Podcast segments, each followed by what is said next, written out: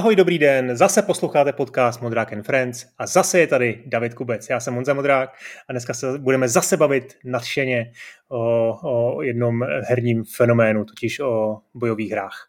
Úvod bych rád jako obvykle poděkoval svým podporovatelům a předplatitelům. Podpořit mě můžete na serveru Gazetisto, kde dostanete eh, přístup podcastům s předstihem a včetně bonusového obsahu a taky vám tam bude chodit pravidelný sobotní newsletter.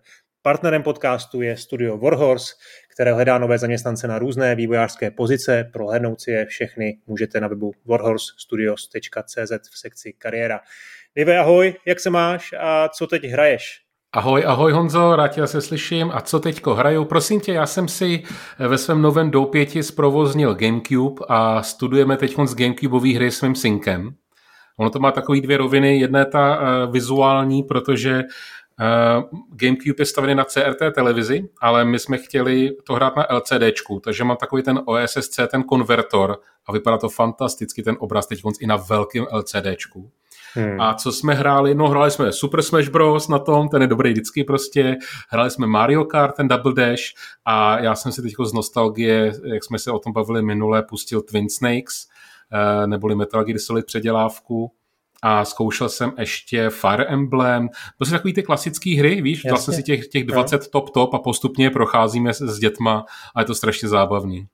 Tak k tomuhle mám opravdu jako co říct, protože taky máme, máme na chalupě jako hlavní konzoli GameCube nainstalovaný, nemáme teda žádný ten speciální převodník ani, ani zobrazovač, takže klasická CRT televize, hezky stará, jak to, jak, to, jak to pamatuju já. Mám k tomu docela dost originálních her, několik desítek, takže, takže taky experimentujeme, kluci milujou Smash Football, Mario Football, vlastně mm-hmm, teď co vyšel nový. Jo, jo, Strikers, ano, ano, vynikající, tak už se to docela naučili. Uh, hrajou Sonika, hrajou takový ty klasiky tam, já tam po večerech Eternal Darkness, uh, výborná zážitost. A, to je krásná hra. Takže GameCube pořád, pořád funguje a k té konzoli mám velký vztah. Teď se zase chci pustit na Switchi do, do Sunshineu, do Mariovky, která byla vždycky podceňovaná, ale já ji měl hrozně rád vždycky. No. Takže, takže to, to jsem rád, to, to s tebou to nadšení sdílím a Eh, je super, že to, že to předáváme s dalším generacím, viď, svým synům. To je, je to tak, je to tak. Když, když jsme u toho, furt to mám v hlavě, jednou, jednou jsme vyprávěl, jak vlastně toho svého syna přivádíš ke hrám a mám pocit, že jsi zmínil něco o tom, že, že to děláš jako chronologicky, že jsi se ho snažil jeden čas eh, vlastně dostat k 8 bitům nejdřív, představit mu ty 8 bitové hry a teprve pak ho pustit k 16 bitovým a pak třeba, že jednou možná ho pustíš k novým, k novým hrám. Je to tak, nebo si to pamatuju špatně? Ne, to si pamatuješ jako velmi dobře. Já si fakt myslím, že to vnímání toho, co by ta interaktivní zábava vlastně měla v tobě jako vyvolat, takže tak, jak jsme to zažívali my, když to bylo nový, tak to je to, co nám dalo tu jiskru. Jo? Nejhorší fakt je, a tomu se ani moje děti nevyhnou, když vlastně začneš hrát na těch mobilních platformách, a současných, myslím, na mobilech a takhle, a že vlastně nemáš vůbec představu o tom, jakým tím procesem to vlastně muselo projít. A ty potom už nikdy se nevrátíš do té minulosti. Bude to na tebe působit jako archaická věc, která je ne, ne, nepřístupná pro tebe. Jo? Hmm. Takže já jsem chtěl tady tomu zabránit a od útlého věku jsme prostě pařili právě na těch, já vím, jo, NESu, případně na, třeba na Amize, protože tu jsem měl doma jako hlavní komp tehdy. A chtěl jsem, aby vlastně se to jako vošahal, aby jako podlehl tomu té fascinaci toho hejbajícího se obrazu a toho hezkého zvuku. A teprve později jsme se dostali vlastně na Mega Drive a na SNES a na první PlayStation, dejme tomu. A dlouho jsme se třeba zasekli na Nintendo 64, a teďko to, co jsem řekl, tak to, to skončilo zhruba tak před dvěma, třema rokama, že to jsme mu koupili jeho první mobilní telefon. Aha. A teprve potom vlastně začal hrát takový ty mobilovky, jako je Clash Royale, jako prostě krávoviny, jo.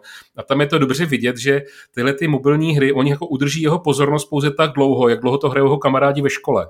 Aha, aha. A když přijde potom domů, tak říká, tati, pojďme si zase dohrát Star Fox 64, tak ho, jo, zapojím to na telku a prostě paříme a mu fandím a on je nadšený, on to má na spamě nadrcený, prostě tento dohrává na všechny konce a tak.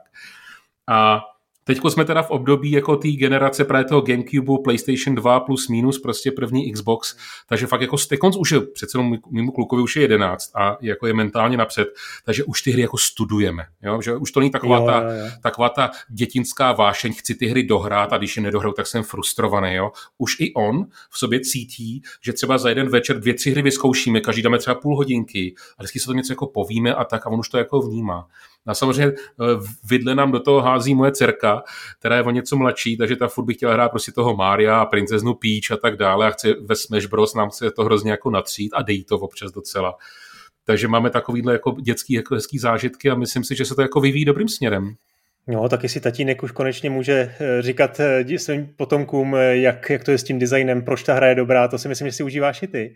Já teda to vidím stejně, ale musím teda přiznat, že ty děti, samozřejmě je tam nějaká rezistence od nich, jo. Zejména jsem to zkoušel v, to, v, těch, v těch handheldových formátech, jo. Mm-hmm. Mám, ty, mám ty restaurovaný Game Boy, Game Boy Advance, který jsem si vzal třeba někde na cestu na dovolenou. Myslel jsem si, hele, ukážu jim ty staré Mariovky, Pokémony, jo, které mají vztah jako jinak.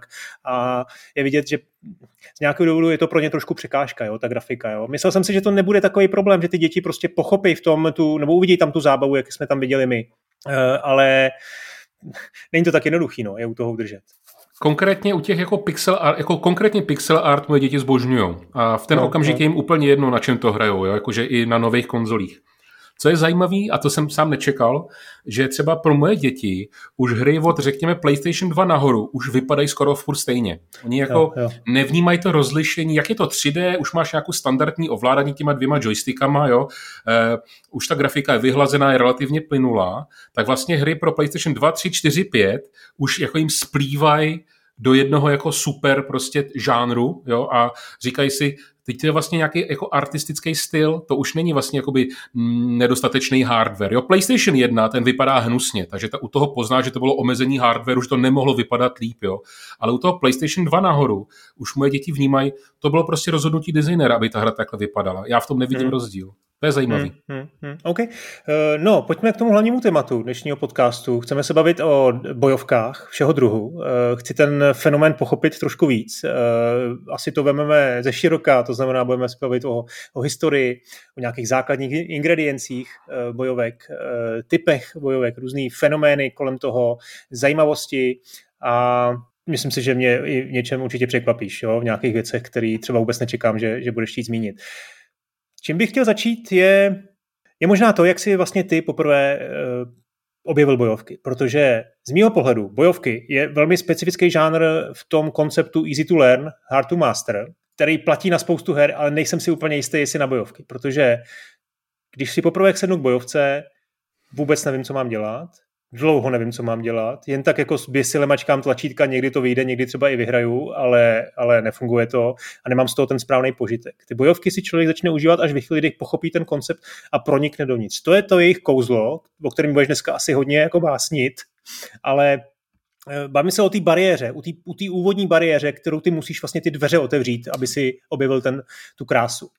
Jak se to stalo u tebe? OK, to, to je veliký rozdíl proti tomu Metal Gearu, co jsme se bavili minule. Jo? Tohle je fakt jako osobní, osobní spověď.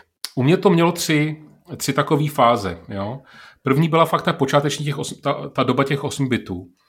Uh, brácha měl to a tady osmistovku a občas mě tomu dovolil si sednout, aby jsem si zahrál s ním a hodně jsme tam hráli takové ty hry pro jednoho hráče, jo? Montezuma Return, uh, Draconus a takovéhle věci a nebo Hero byla moje oblíbená hra.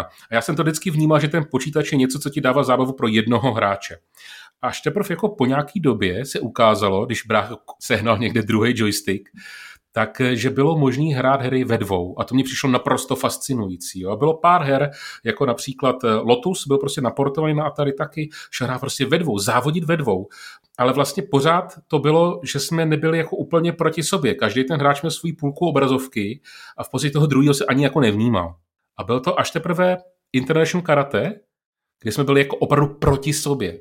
Mm-hmm. A můj brácha to jako uměl hrát mnohonásobně líp než já, byl starší, byl zkušenější, vypařený s kámošema. Ale po nějaký době jsem se namemorizoval nějaký jako chvaty a začalo mi to jako docházet. Aha, když brácha dělá tohle, tak já musím udělat tohle. Když já udělám tohle, tak co udělá on? Tak co kdyby jsem tohle udělal v jiném trochu časování, abych ho zmátl a pak udělám tohle? A konkrétně International Karate má skvělý ovládání, ty vlastně držíš fire a máš 8 směrů joysticku, který můžeš jako ukázat a podle toho ta figurka něco udělá. Plus ještě záleží na tom, jestli stojíš zády nebo předem k tomu protivníkovi. Mně se tam stalo, že jsem poprvé svého bráchu s odpuštěním naštval, že jsem ho začal porážet jako cíleně. Můj vohodně starší brácha se vstekal, že jeho malý prostě pětiletý bratříček mu nakopává zadek v International Karate a odmítl to se mnou hrát, se vstekle hodil joystickem odešel a od té doby to se mnou nehrál. Do dneška to se mnou nehrál, jo. A já jsem si tehdy jako řekl, to je krásný. Je nějaká hra, ve které jsem lepší než brácha. Víš, poprvé v životě, že to nebylo na žádný high score, nebylo to jako na závodění, bylo to fakt jako head to head. A já jsem porazil svého deset let staršího bráchu. A to, tam jsem teda začal já, tam jsem začal jako chápat, že to International Karate je nový žánr, jo? něco, co jsem si myslel, že jo, ty hry na tom Atari vypadají všechny stejně, protože ty sprite a ty barvy jsou vždycky stejný, jo? ale ta náplň té hry, aha, tehdy jsem v těch pěti, šesti letech začal jako vnímat, tady je něco novýho a začalo mi to bavit. No, tak eh, samozřejmě ty jsi, ty jsi jako dokázal vydržet, eh, ty jsi strávil několik těch večerů, ať už eh, proti, proti bráchovi nebo proti počítači, trénoval si, ale úplně jiný to muselo být v hernách, protože když se bavíme už o té historii, tak možná jako první hra, která, která se dá označit za klasickou bojovku, je Karate Champ, který vyšel v 84. roce. Jo, už za rok potom byl vlastně na 8 bitech International Karate, a možná ty, ty 8-bitové počátky jsou pro nás samozřejmě jako takový víc uh, srozumitelný a víc je pamatujeme. To je International Karate, Way of the Exploding Fist, mm. Barbarian, uh, všechno skvělé hry, možná se o nich budeš taky pobavit, ale a teď nevím, jestli trošku nepřeskakuju, ten Street Fighter 2, jo, který přišel do heren a všechno to vlastně protrhla se, protrhla se hráz jako tohle, tohle toho žánru. Najednou za prvé, provozovatelé heren byli nadšený, protože místo jednoho hráče seděl nebo stál u těch, stále u těch, u těch automatů dva lidi, házeli tam dva, dvojnásobný počet mincí, ty, ty, ty, ty, zápasy nebyly tak dlouhý, to znamená furt se přihazoval dál a dál, byli tam kolem toho chumel, chumel zájemců. Tam to bylo asi trošku obtížnější, protože když si přišel, nic si neuměl, Samozřejmě, zase tam byla ta learning curve v tom smyslu, jestli koukal někomu přes rameno a učil se to. Ale zkrátka dobře, co jsem chtěl říct, ta bariéra prostě tam nějaká je eh, a je potřeba ji jako překonat a teprve pak si to začneš užívat. Jako, mm, já jsem se vlastně jako k bojovkám na automaty dostal až později. Hmm. Jo, já, já, jsem začínal na té Amize a na tom PC, řekněme. Takže třeba ten Street Fighter, jak zmiňuješ, tak to byly všechny hry, které jsem měl vlastně nadrcený na kompu. Ať, jako, tyko to fakt přeskakujeme, ale ano, to byla moje druhá fáze. Eh, někde v Excalibru prostě vyšel seznam všech chvatů na, na Mortal Kombat. Aha. A já jsem se je prostě naučil na spaměť. A na PC jsem Mortal Kombat hrál na numerický klávesnici, takže si měl vlastně ty směry, jo, přesně digi, digitální směry. Nikdy si nemohl dělat chybu. Jako jo, když děláš čtvrtobloučky nebo tak něco, tak tady si to jasný, dolů dopředu, to je čtvrtoblok, jak jinak. Že? Hmm, hmm. Takže mi to šlo dobře a i všechny fatality jsem se potom naučil na spaměť. I pro ten druhý díl. Ale máš pravdu, když jsem potom šel do Laser Gameu, kde byl Mortal Kombat jednička i dvojka, úplně jiná hra. Ten joystick a ty tlačítka, najednou to hraješ prostě eh, s jinou tou tolerancí toho ovládání. Nemluvě o tom, že tam ta grafika byla rychlejší a plynulejší na tom automatu, jo, ale jinak ty tahy byly stejný. Tak jsem začal zjišťovat, že fakt je to nemožný hrát uh, na hmm. automatech pro mě. Že to byla úplně nová věc, jako, jako bych tu hru vůbec neznal. Takže já jsem, vždycky se mě, se mě kamarádi zvali, abych mu ukazoval všechny fatality v Mortal Kombatech. Jo? Oni se schválně jsme dali hru pro dva hráče, já jsem je jako vyklepnul a pak jsem měl fatalitu a to jsme dělali celý den. Jako, jo? To já jsem byl jako v tomhle nadrcený. Takže jsem ten Mortal potom chtěl také zamachrovat jako v herně a fakt to nešlo. A jak hmm. si sám řekl, vhazovat dvě mince, abychom si zahráli s kamarádem, to byl trošku drahý luxus. Jo? No, no. Tak jsme radši jsme hráli hry pro jednoho hráče, kdo se dostane dál na dvě mince, než abychom si dali jednu hru prostě na 30 sekund jako v Mortalu. Myslím si, že ty, ty bojovky, tak jak to říkáš ty, to se fakt týká těch lidí, jak to bylo na tom západě. Jak jsi správně řekl, začalo to tím karate čampem, jo, kdy jsme měli proti sobě dvě postavy se stejnýma vlastnostma. Bylo to inspirovaný reálnýma sportama, reálným bojovým uměním a snažilo se to vlastně dát ty hráče na roveň. Jo, máš stejný šance, máš stejný postavy, máš stejný podmínky, stejný ovládání. Takže by to měl být vlastně jako vždycky férový zápas. A to, co se stalo později, zejména s tím Street Fighterem a s tím Mortal Kombatem, bylo, že jsme vlastně začali hrát ten balans. Jo, Karate Champ byl no. vybalancovaný, protože to byla symetrická hra.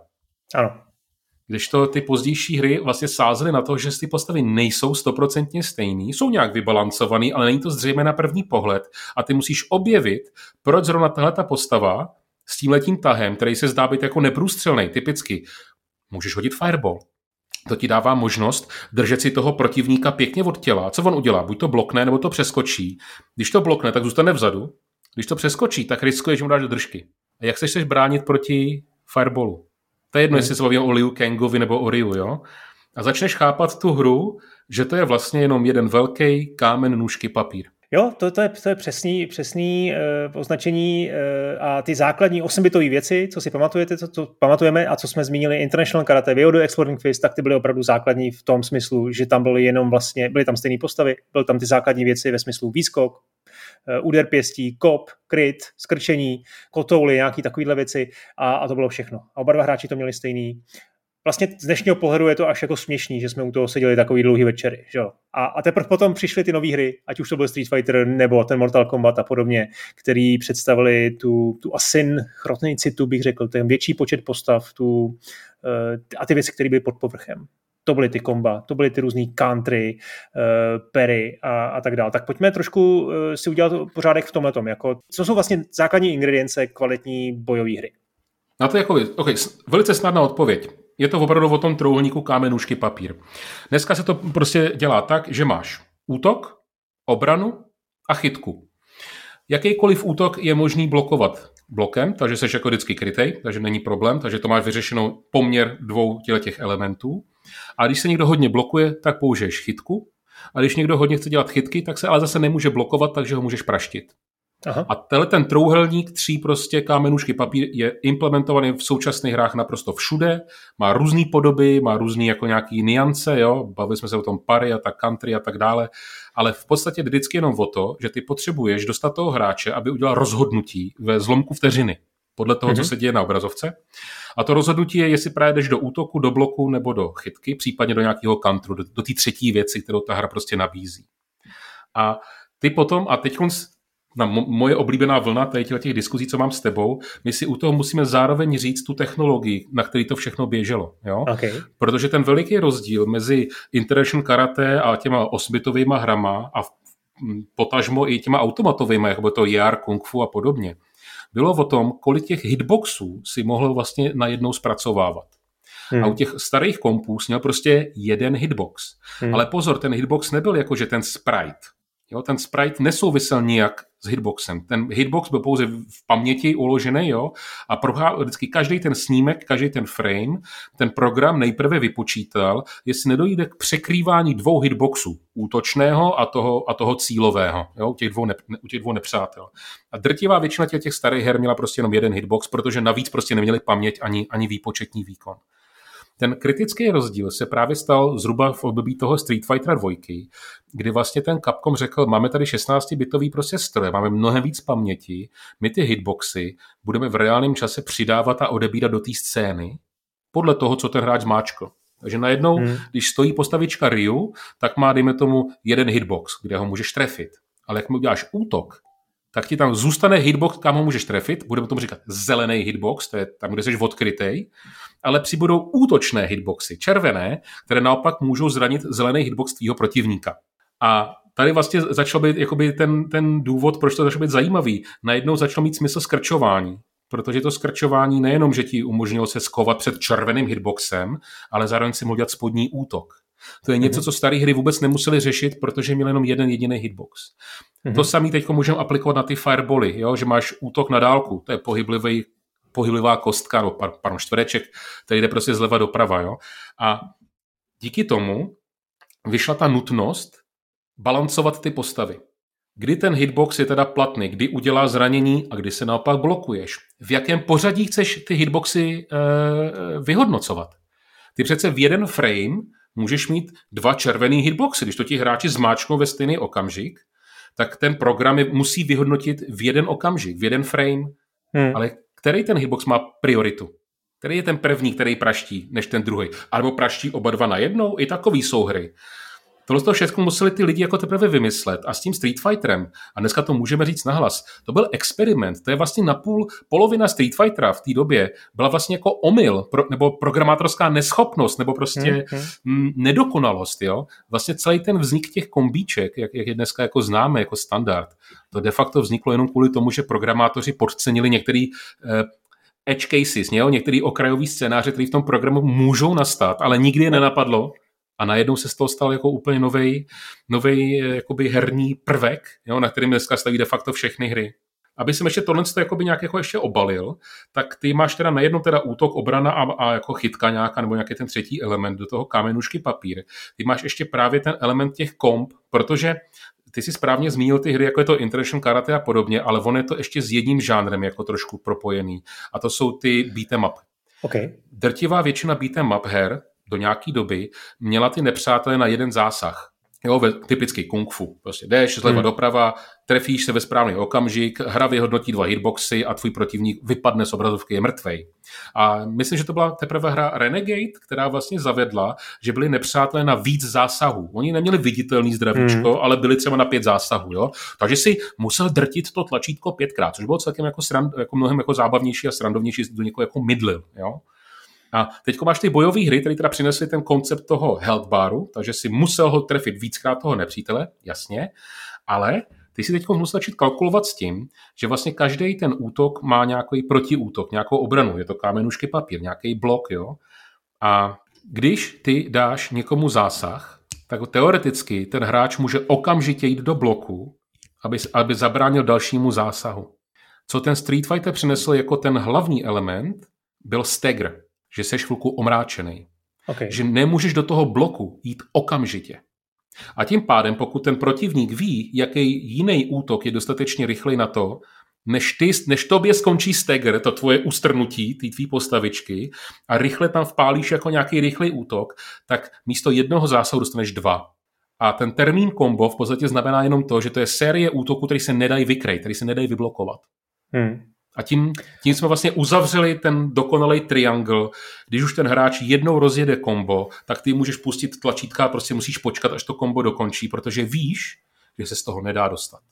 No, to právě tady přemýšlím nad tím, co je základní rozdíl mezi konceptem bojovek a tím konceptem kámenušky papír je, že v kámenušky papír je vlastně ta podstata té soutěže je, že jedna, dva, tři a na tři se ukáže ten, ten, symbol, mm-hmm. ten, ten symbol a uvidí se, kdo, kdo vyhraje. Když to u té bojovky z podstaty věci je vlastně akce-reakce. Jo? Ty tam máš kámenušky papír v tom smyslu, že můžeš, eh, že můžeš vyhrát a vždycky něčím tím svým útokem, nebo to, ta druhá strana může nějak reagovat, ale je tam ta reakce, je tam ten nějaký časový okno, malý časový okno, kde se vlastně ukáže ta tvoje kvalita, ten, ten tvůj skill a kdy vlastně vyhraješ. To je ten, to je ten stagger, je to tak? A to je možná i trošku rozdíl v tom, když se hraje bojovka proti počítači a proti člověku. To je trošku jako jiná liga. Je to tak? Chápu to dobře? Jo, tohle to chápeš velice dobře. Ten, ten počítač samozřejmě vždycky ví, co je nejlepší udělat, protože on má v paměti přesný stav všech těch tvých postaviček a těch hitboxů. Jo? Tam, tam není žádný umění. Navíc, to, to si všimni u těch starších her zejména, eh, že počítač jako fakt otevřeně švindluje. Ano. Hm. Jo? Že on, on nemusí namačkat kombinaci čtvrtoblouk, čtvrtoblouk něco on prostě vypustí super kombo kdykoliv, hmm. jo? což mě vždycky jako na tom jako frustrovalo. Na druhou stranu ty bojovky se nikdy jako netváří, že to má být single playerový jako zážitky, jo? takže to bere jako spíš jako jenom jako demo, demo jo? chceš si jenom podívat, co ten protivník jako umí. Eh, když jsi mluvil o tom Stegru, tak to jsme teď říkám v těch 90. letech u toho Street Fighter 2, jo? ale oni právě, zejména ten Capcom, v tomhle tom jako byl brilantní právě proto, že zavedl třeba ten termín toho countru, jo, že se můžeš z toho stegru dostat jako dřív. Aha. A přidali další element, aby ten kámen, nůžky, papír nebyl jako jenom o těch třech, jako, ale o čtyřech elementech, který se dají jako nějak jako vzá, vzájemně zastoupit. Mm, když třeba jako rychle zmáčkneš joystick jako dokola, tak ten stagger ukončíš instantně. A tak si Honzo řekneme nový slovo. Eh, to slovo je cancel. Zrušit. Aha. Cancel. A to, je, a to je to, co ten Street Fighter 2 vlastně jako přinesl.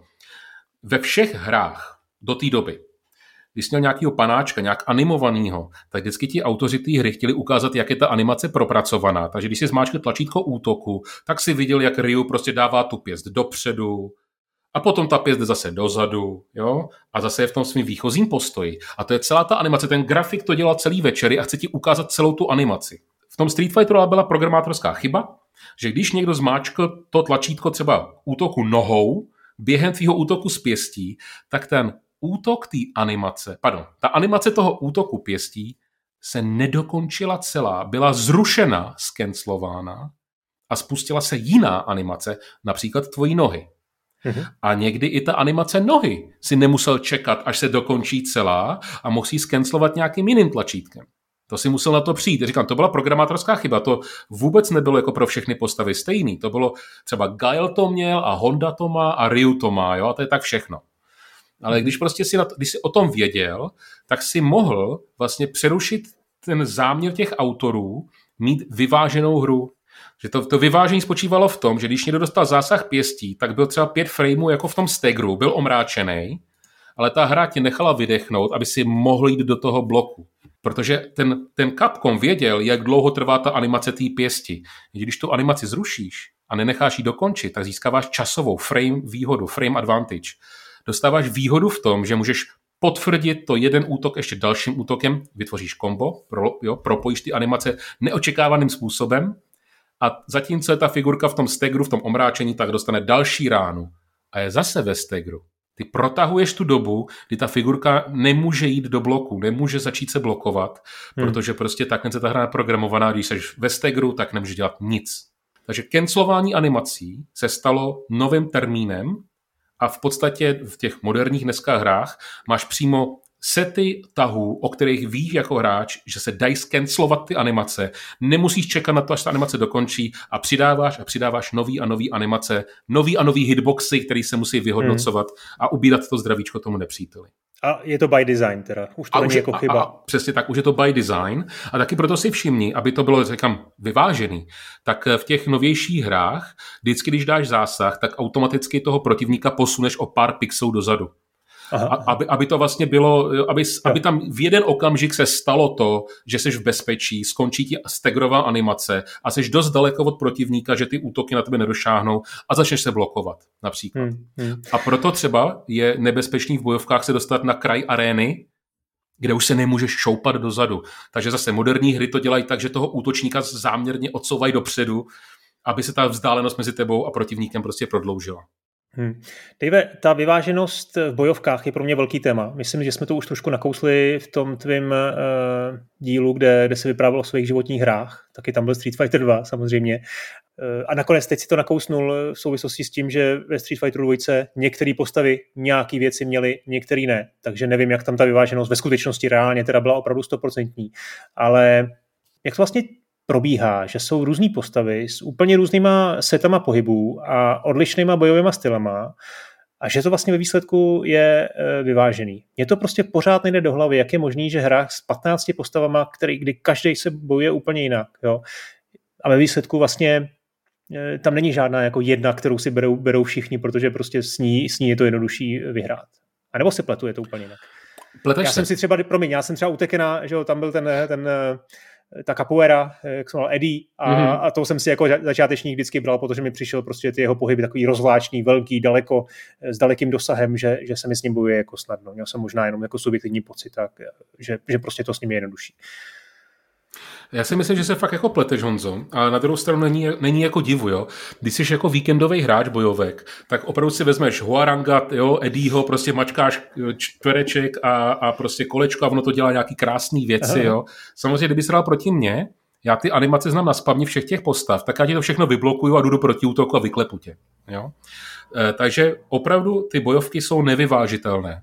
To je dobrý si to říct. Oni nejdou vyvážit. Jo? Hmm. A proto, když se podíváš, nebo když dáš do Google, dáš si Street Fighter Tiers, tak ty uvidíš, že ty postavy jsou opravdu rozděleny do nějakých kategorií, jak jsou dobrý.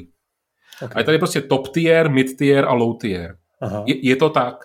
A když máš potom zápasy, jako, mm, jako závody opravdu jako v těch profíků, jo, tak v podstatě všichni si berou top tier. Nejsou blázni, jo, protože jo.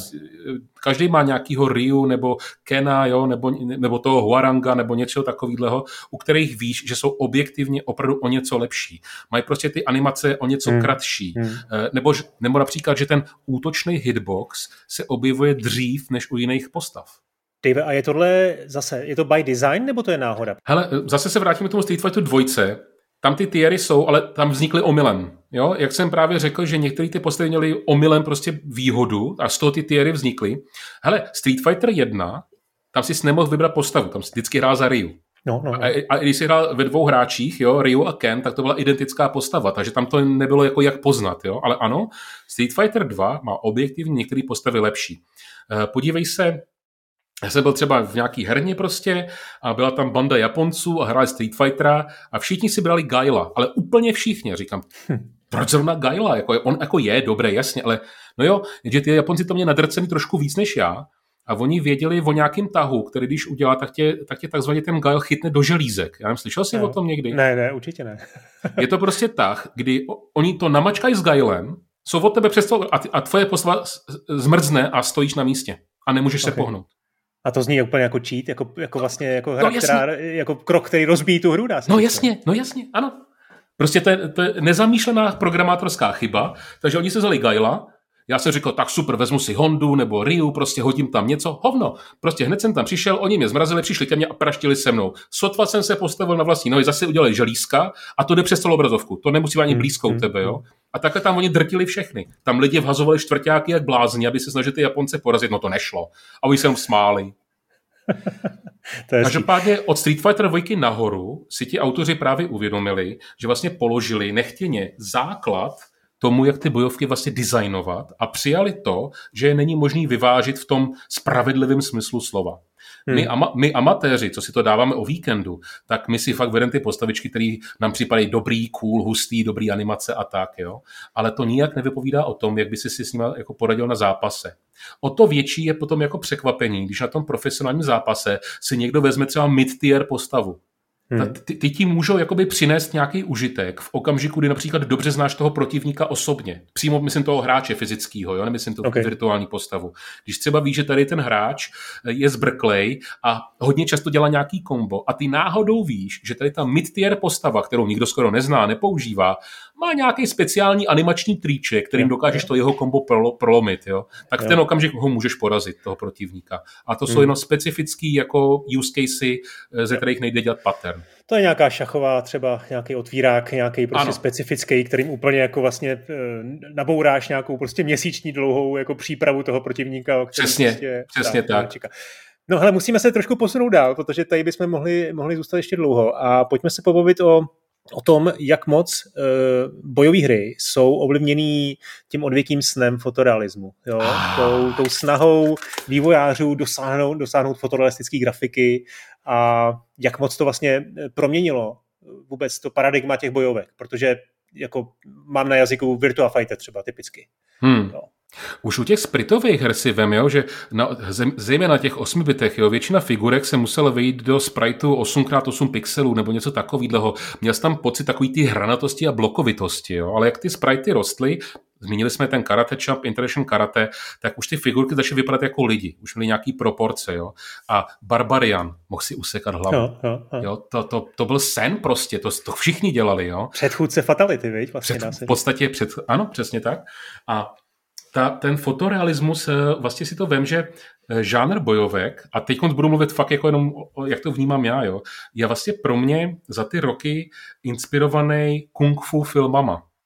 Hmm. Jo, ty si chtěl vidět Aha. toho Jackieho Chena a já nevím koho jiného prostě v akci, jo, a ty hry si prostě berou ty uh, inspirace z reálných bojových umění nebo i, i z těch filmových a vlastně i ty zápasy, když tam vidíš one on one, tak jsou to fakt jako mezi lidskýma postavama, aby to bylo hodně z toho filmu ovlivněný. Všimni si, kolik jako znáš bojových her, které jsou, řekněme, populární světově, ale nejsou tam lidský postavy. Jsou tam třeba roboti, nebo zvířata, nebo nějaké... Dinosauři. Dinosauři. Těch je hrozně málo. Vždycky to bylo o tom, že jsme chtěli udělat oslavu toho lidského těla, jak je prostě mm, vystaveno nějaký extrémní situaci. A e, i ten Virtua Fighter, konec konců, ty první 3D hry, jo, přestože měli eh, třeba jako málo poligonů, že byly hranatý, tak faktor těch animací, to bylo ono, jo, že to hmm. už nebyly prostě předdefinovaný sprajty, ale byla to plynulá animace prostě v reálném čase počítaná pomocí vektorů. To si myslím, že prohloubilo ten, to vtáhnutí toho hráče do toho světa, by tam nebyly žádný textury, jo, žádný pořádný nasvícení. A tohle ten, to propojení té to, touhy toho fotorealismu vlastně šlo ruku v ruce s tou atmosférou těch soubojů a těch herních pravidel, které se do toho jako vkládali. Úplně nejznámější a nejlepší příklad je podle mě právě Street Fighter 2 Turbo. Aha. Protože ten přece zavedl ten takzvaný super ukazatel jako první hra. Že ty si tím, že si dostával na budku, anebo tím, že si dával naopak dobrý útoky, tak si ti dole nabíjel pomalinku takový speciální ukazatel, A pak si mohl udělat nějaký super útok.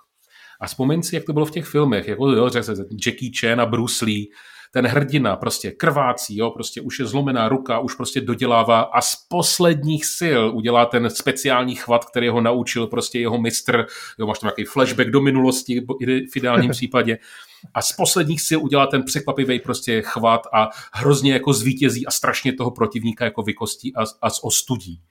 Tak to si myslím, že vlastně to prolnutí těch lidí, bojových umění, filmový atmosfér, nějakého napětí, který buduje ten zápas. Máš tam ten časový limit a to zdravíčko, ten super ukazatel a korunu tomu všemu vlastně nasazuje to z ostuzení, ta fatalita. Hmm. Že ty teda nejenom, že vyhraješ, ale ještě navíc tu postavičku jako nějak totálně ponížíš, že ji prostě teda fyzicky zabiješ opravdu.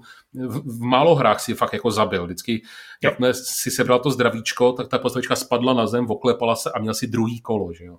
Hmm. Takže byla jakoby živá, ale byl to třeba ten Mortal Kombat, který vyslovně řekl, a je to smrtelný, je to mortal, je to, je to fakt jako fatální hmm. jako hmm. zranění, co máš na konci.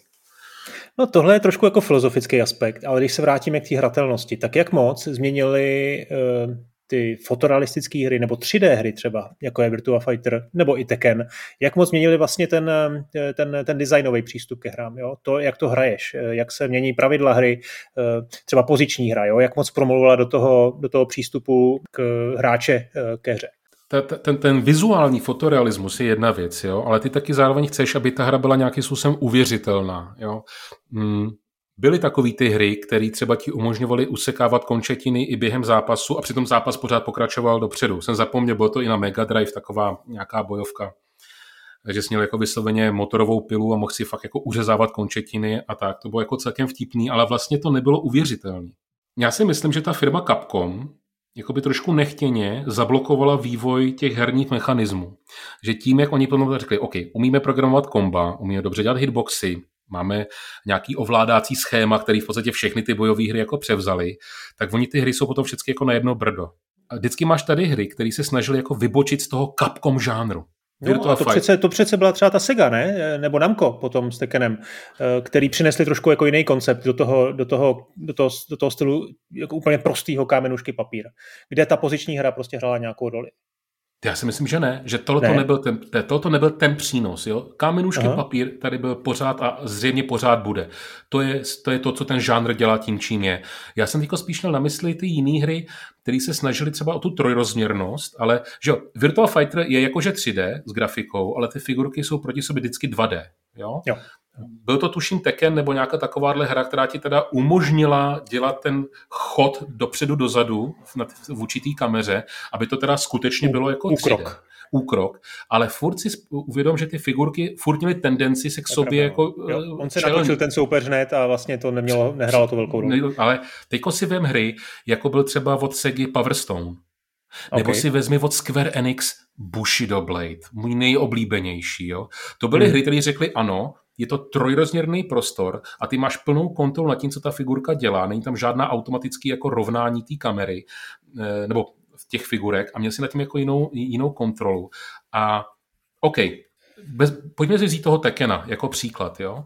Ten třeba udělal to, že chytka, když si dělal z boku, ze zadu nebo ze předu, měla jinou sílu. Hmm. Ty si opravdu mohl ponížit toho nepřítele tím, že si ho chytl ze zadu. Vem si Soul Edge, respektive Soul Calibur, jak ho dneska známe. Ten zase umožňoval, že když si měl útoky zbraní, tak buď ty útoky byly vertikální, anebo horizontální.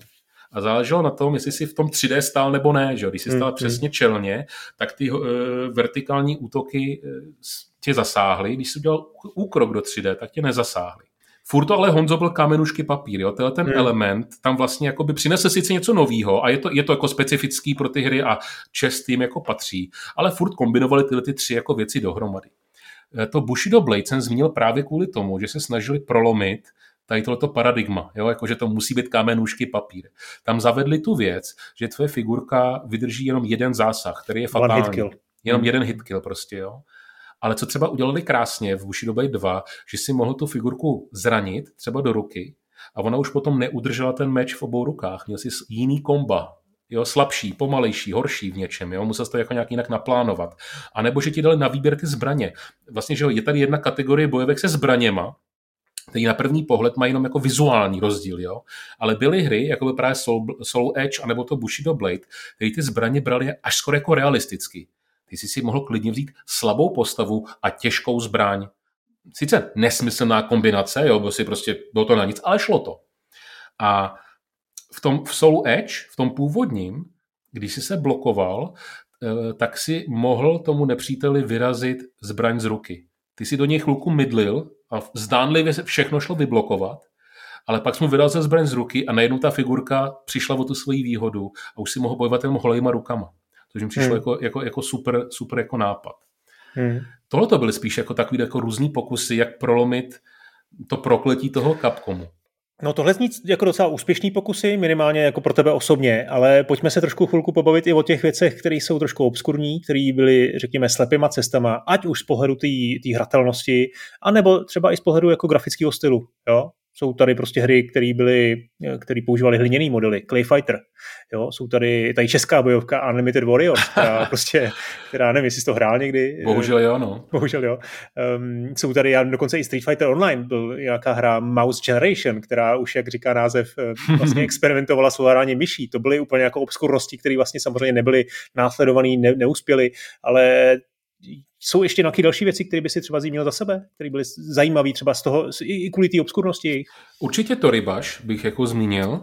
V Toribaši si mohl vlastně ovládat jednotlivý svaly a, a klouby eh, celé té postavičky. Hmm. Nechci říct, že to bylo na tahy, jo, a byl tam nějaký systém, že ta hra vždycky jako počkala na to a ty si si musel vybrat, který sval se má pohnout a podle toho to něco dělalo. A ty hitboxy tam vlastně byly dělané právě na těch končetinách, takže, takže si fakt musel realisticky v 3D prostoru navigovat paži nebo nohu prostě eh, tím prostorem a doufat, že tam ten nepřítel bude stát. Když to beru spíš jako experimentální hru, ty máš jakoby hry, které se snažily inovovat jakoby v, okay, v té komerční sféře, pojďme si vzít jako ten příklad uh, třeba Killer Instinct. No, jasně. Tam jo. bylo strašně moc komp, viď? já si to, to pamatuju. Bylo to, nesmyslně překombinovaný. Ta firma Rare prostě chtěla udělat něco, co se hodně liší od Street Fightera a Mortal Kombatu a těch dobových prostě her. A v podstatě to je hra, která není ani bojovka. To, když se chceš naučit, no to se, to se musí říct dovolenou. No, no. A e, studovat prostě hrozně složitý manuály. Ten, ta firma Rare opravdu to vzala jakoby od podlahy, jo, ten systém. Máš otvíráky, máš linkery, máš zakončováky a ty jdou kombinovat v nějakém pořadí prostě. Je takový hmm. strom, jak ty komba můžou růst prostě, jo. A když si to všechno dobře namačkal, tak ta figurka zadarmo přidala 20 nových útoků a máš toho ultra kombo.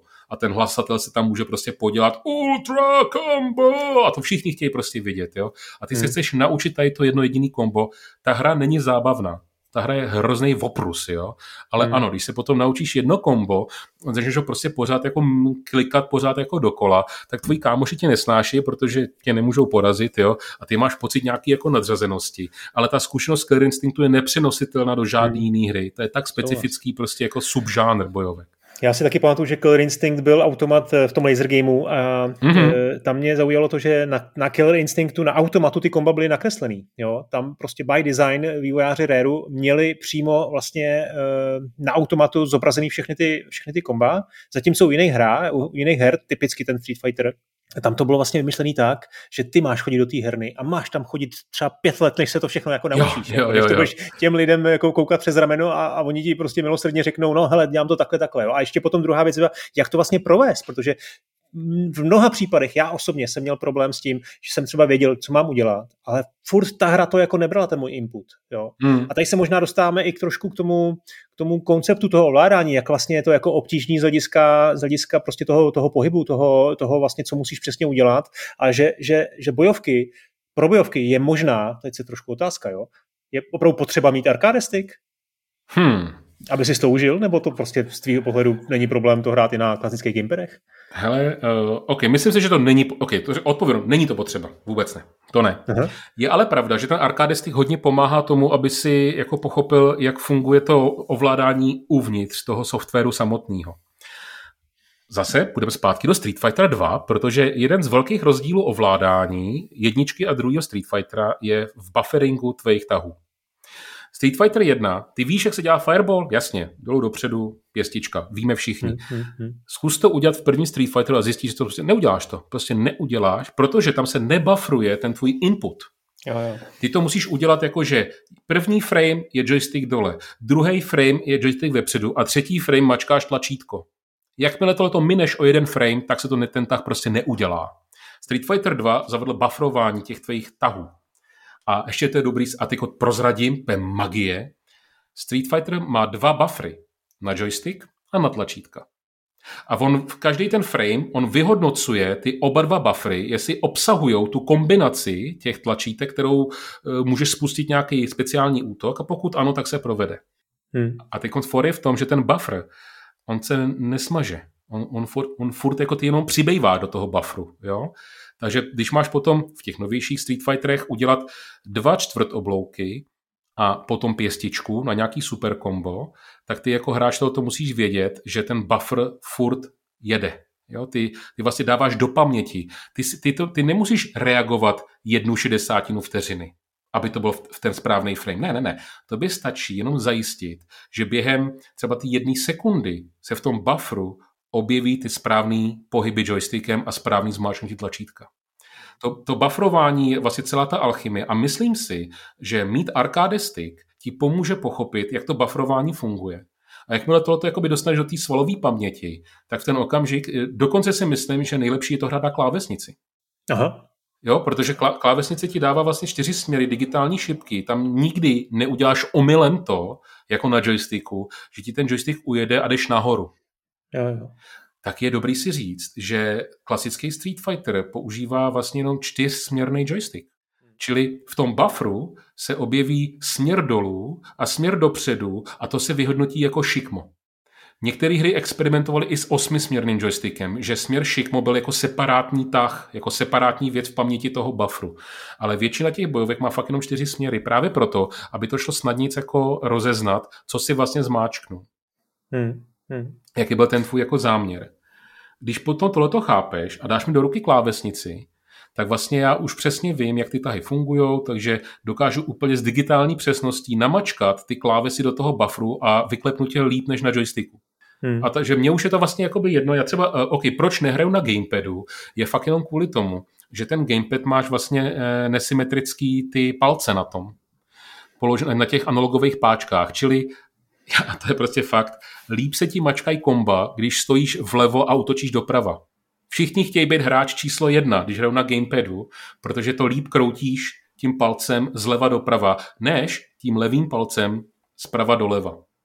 Ty mm-hmm. čtvrt oblouky. Je to prostě náročnější, takže já, jako mě to je jedno, já můžu hrát na čemkoliv samozřejmě, ale když mi dáš klávesnici anebo arkáde páku, tak tě porazím s gamepadem úplně v pohodě. Stačí, když mm. budu na té správné straně a ty nemáš, nebo máš horší šanci. Chápu, chápu. Eh, dobrá, no, eh, pojďme se přesunout možná do současnosti, že teď jsme mm-hmm. hodně, hodně se bavili o historických hrách. Já nevím teď, jak máš, Dave, jako přehled o těch aktuálních hrách, tak možná, možná to bude jenom velmi rychlý, ale Jaká je vlastně dnešní situace na trhu? Máme tady aktuální hry, um, Mortal Kombat 11, máme tady chystanýho Street Fighter 6, eh, je tady pořád SNK, který dělá furt ten klasický pixel art, eh, spoustu různých, jako, no vlastně nevím, jestli to dělají ještě pořád, ale jako posledních pár let jako nějaký hry jako vycházejí jak, jednak v japonských hernách, jednak je tady pořád prostě nějaká, nějaký dědictví, řekněme, z poslední dekády, který, který se pořád jako udržuje a vylepšuje. Eh, tak jaká je dneska situace? Co jsou vlastně hry, které dneska, dneska bys doporučil eh, hrát a proč? Myslím si, že jsme v pořád v tom prokletí toho Capcomu. Jo? Když si hrát něco, hmm. co má smysl, tak aby si našel nějakou komunitu k tomu, tak to musí být hrát od Capcomu jo? na 99%. Pokud jsi Japonec, tak je to od SNKčka. Tím je to jako v podstatě daný. Ale proč? Počkej, počkej, tohle musíš vysvětlit. Jako, pokud jsi Japonec, tak SNKčko. Proč? Eh, OK. Eh, když se podíváš na srovnání, jak je složitý udělat nějaký tahy eh, v King of Fighters versus Street Fighter. Jo? King of Fighters mají mnohem komplikovanější a náročnější časování toho mačkání tlačítek i uprostřed těch komp. Jo? Ve, ve Street Fighterovi 99% komp se dělá pomocí kombinace nějaká pěst anebo nějaký kop. Jo? Když, to, když to King of Fighters nebo tyhle ty hry od SNKčka velmi často používá dvojkombinace, že ty uděláš dva čtvrt oblouky a pěst a kop na jednou a zase nějaký jiný čtvrt oblouk, třeba zadní a zase jiný pěst a kop na jednou. Tam, je ta, tam to víc už začíná připomínat takový ty rytmické hry. Jo, ty se to kombo učíš jako písničku ale SNKčkový písničky jsou prostě schválně náročnější, vhodnější pro ty Japonce zmagořelí, eh, než pro ty eh, západáky, prostě, který chtějí mít jenom jedno tlačítko, pokud možno na všechno. Konkrétně Street Fighter se vlastně už posunul do té sféry toho e-sportu a snaží se to být hlavně atraktivní pro diváka, ne pro toho hráče. Hmm. Aby nalákali ty masy. Jo? Eh, Street Fighter 5 a 6 jsou mnohem víc ofenzivní než jakýkoliv Street Fighter předtím, protože na to se líp prostě kouká. No a tím pádem Capcom chce, aby si ty útoky jako snadnějc eh, vyvolávaly. Proto třeba ve Street Fighteru de facto nemáš žádnou pary techniku v těch v té pětce. Um, jo, porovnej si Street Fighter 3, kde všechny postavy měly schopnost udělat pary na jakýkoliv tah, včetně superkomba. Extrémně nebezpečná eh, jako technika, kterou se prostě musíš jako dlouho, dlouho, dlouho drtit. A když to umíš, tak ty dokážeš vlastně porazit toho protihráče, ať už je sebe lepší, protože znáš ten rytmus, jak dělat pary. Já se to na chvilku zastavím. Pary znamená, že jdeš joystickem dopředu, schválně se neblokuješ a jdeš vlastně otevřeš svoji obranu a jdeš do té animace toho útoku protivníka. Když to uděláš ve správný frame, tak ty zneutralizuješ ten útok. Co to znamená? To znamená, že nejenom, že tobě neubyde žádný zdraví. Jo, když se blokuješ a dostaneš zásah, tak ti ubyde pixel zdravíčka. Ne u pary. Ale zároveň, eh, když na tebe někdo útočí, tak jemu pořád přibývá ten super ukazatel. Ne, když uděláš pary. Když uděláš pary, tak tobě neubyde zdraví a jemu nepřibyde super ukazatel. Je to ta nejvyšší technika, kterou ty můžeš vlastně jakýhokoliv hráče zneutralizovat, jakýkoliv jeho útok. Je to teda těžká technika, protože jakmile to uděláš o frame vedle, tak dostaneš zásah plnou prostě a, a seš jako v pytli. Jo?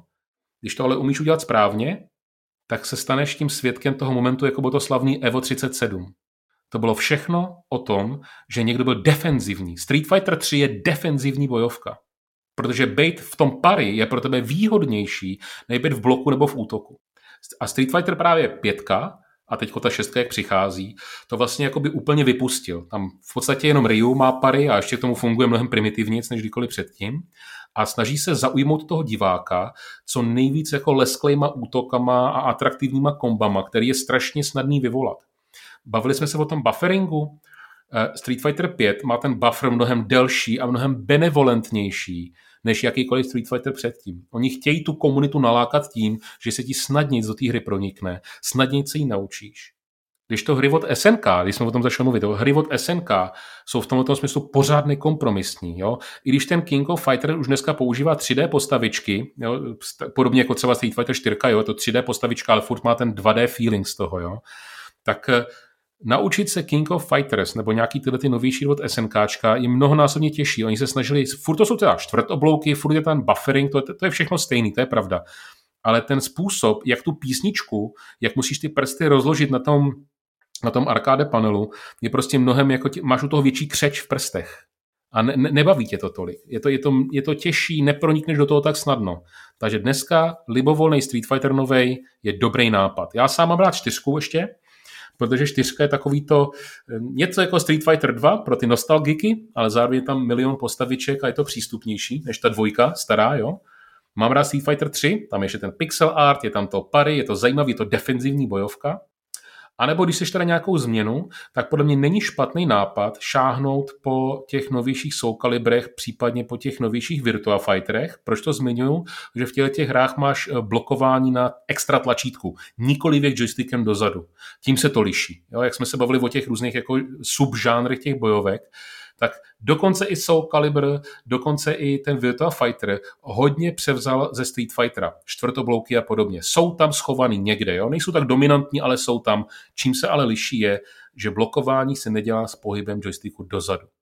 Takže máš, ta páka má jiný výchozí stav. Myslím si, že tím bych jako dneska řekl, chceš začít, tak začni tímhle s tím. Začni Capcomem, naučí se to rychle a pak už můžeš objevovat do nekonečna. Tak, jdeme poslední téma, který chci probrat ještě v tomhle v té volné části, tak to, jsou, to je právě komunita. Jo? která mi přijde, že u bojovek je jako velmi specifická. A ty už si tady naznačil ten Eva moment, tak asi pojďme tím začít, protože tím dost jako představíme vůbec koncept eh, to, jak jako funguje eh, eh, komunita kolem, kolem bojovek. Tak co se stalo? Evo moment 37 to byl, mm-hmm. myslím. Říkám to dobře. Říkáš to správně. Eh, vlastně já jsem si tady udělal jako pro sebe tu poznámku. Na začátku jsem to zmínil, že jsem měl takový tři jakoby, fáze pronikání do bojovek. Zmínil jsem International Karate. Jsem vyklepl bráchu, kdykoliv, jo. Uh, druhý moment byl Mortal Kombat, respektive Tekken, kdy jsem se dokázal naučit na memorizovat všechny tahy do, jako na spaměť. Tak třetí moment bylo, když jsem poprvé viděl Evo 37. Protože to byla věc tak magická, tam byla kombinace toho, že jsem viděl na obrazovce něco, o čem jsem vůbec ani nevěděl, že je možný v té hře udělat. Já jsem prostě, jako, co to je? A za druhý, že jsem pochopil výjimečnost té situace díky tomu eh, nadšení těch diváků v tom obrovském sále.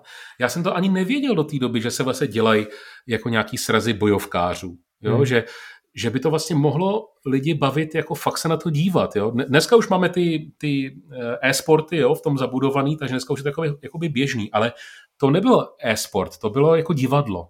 Ty lidi tam sedí prostě na židličkách a dívají se na divadlo toho, jak dva lidi si dávají do držky ve Street Fighterovi. A stala se tam situace, že Li a Ken se chtějí hrozně jako vykostit, no a co si bude namlouvat ten Ken, nějak měl prostě smůlu a nezbylo mu moc zdravíčka. A přesně řečeno, zbyl mu jako jeden pixel, možná ani ten ne. A v ten okamžik cokoliv uděláš, jakýkoliv útok, i byť by si se blokoval, no tak vyhraješ prostě, to je jasný. Aha. Ale stala se ta neuvěřitelná věc, že ten hráč za Chan Li, byl myslím Justin Wong, tak e, měl nabitý super combo a řekl si, hele, udělám super combo, jeden z těch tahů se ho určitě dotkne a prostě vyhraju. To sebevědomí toho hráče bylo na naprostý maximu prostě, jo.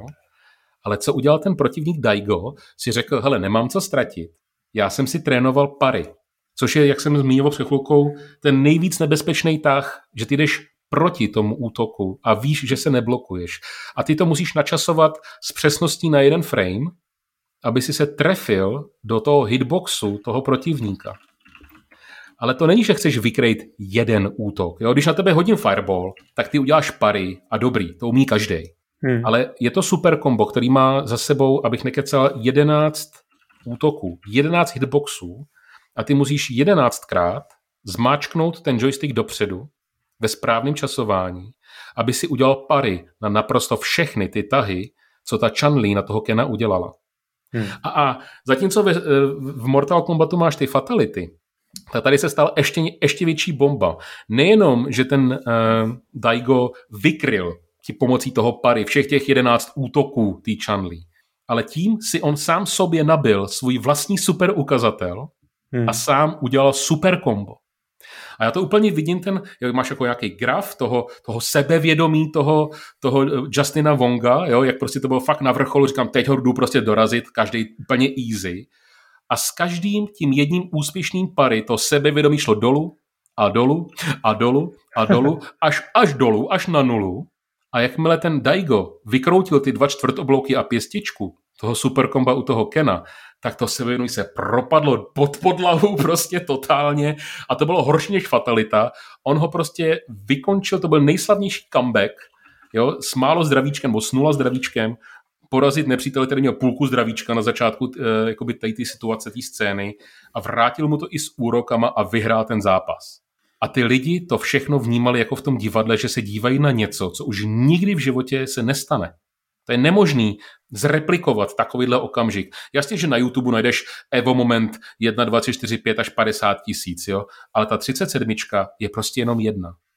A to ukážeš komukoliv. Tady ten Evo moment ukážeš prostě i lidem, kteří vůbec nehrajou počítačové hry. A ta energie toho publika, ta z toho videa prostě jde. A hmm. lidi říkají, to chci hrát, to chci vidět, jako jak je ty bláho, ukaž, cože, to chci vidět znova, pust to znova, má to jednu minutu, to se může koukat pořád jako ve smyčce. Takže ta komunita, jak se o tom začalo jako mluvit, je vlastně o tom, že ty lidi chápou, jak ta hra funguje. Nejsou možná tak dobří hráči, aby jako se účastnili toho zápasu, ale chápou, jak ta hra funguje. Podobně, jako když máš komunitu sportovních diváků, chápou, jak funguje fotbal, hokej, tenis nebo já nevím cokoliv, motorky nebo lyžování. A to je to, co tě spojuje. A pak už se jenom díváš na ty výkony fakt jako v tom divadle, že to chceš vlastně zažít s nima. Ty to s nima prožiješ totiž to. Hmm. Stejně jako v tom sportu máš to nadšení, že někdo dal gól, prostě Sparta nebo Dukla, tak máš to nadšení, že nějaký hráč prostě vyhrál a ty tomu rozumíš proč. A to je hezký pocit. Jo, jo. E, tak samozřejmě najdete v show notes e, ten zásadní moment, ten Evo moment 37. E, ty mi řekni ještě e-sport. Eh, jsou turnaje, velký turnaje. Je něco, co by i třeba trošku like, nebo poučený like měl sledovat každý rok, nějaký zásadní turnaj, eh, anebo si zpětně pustit prostě nějaký finále něčeho, co, co fakt stojí za to vidět ještě? Tam, tam jde o ten čas, který u toho strávíš. Jo? Takže pokud hmm já, ty, já, já jsem třeba nikdy nebyl uh, fanda sledování sportu v televizi. Popravdě mi to hlava prostě nebere a popravdě úplně ve stejném mm, úhlu polu se dívám i na ty e-sporty. Mě nebere hlava, proč bych jsem chtěl trávit čas tím, že se budu dívat na to, jak někdo hraje. Na druhou stranu, mám rád na YouTube sestřihy nejlepší góly sezóny. Jo, to je rychlý, je to krátký prostě, jsou tam fakt jako pěkný góly, tak se podívám, protože mi to přijde jako rozptýlení, nějaký dopamínek prostě, jo. Tak ve stejném smyslu bych jako doporučil dívat se na nějaký výběry eh, z těch e-sportových zápasů. Eh, u těch bojovek je to fakt jako, říkáme dneska je to dělaný vizuálně na to, aby to bylo hodně atraktivní pro toho diváka, takže si myslím, že když člověk má 10 minut, tak se podívá na průřez tím rokem 2022 a musí být jako nabitej dost. Víc bych tomu asi jako nedodal. Dobře, Dave, děkuju. Zbytek si probereme ještě v bonusové části. A bylo to další tvoje nadšené vyprávění a myslím, že se zase eh, ještě brzy uslyšíme znova. Zatím Určitě, čau. těším se. Zatím. Ahoj. thank you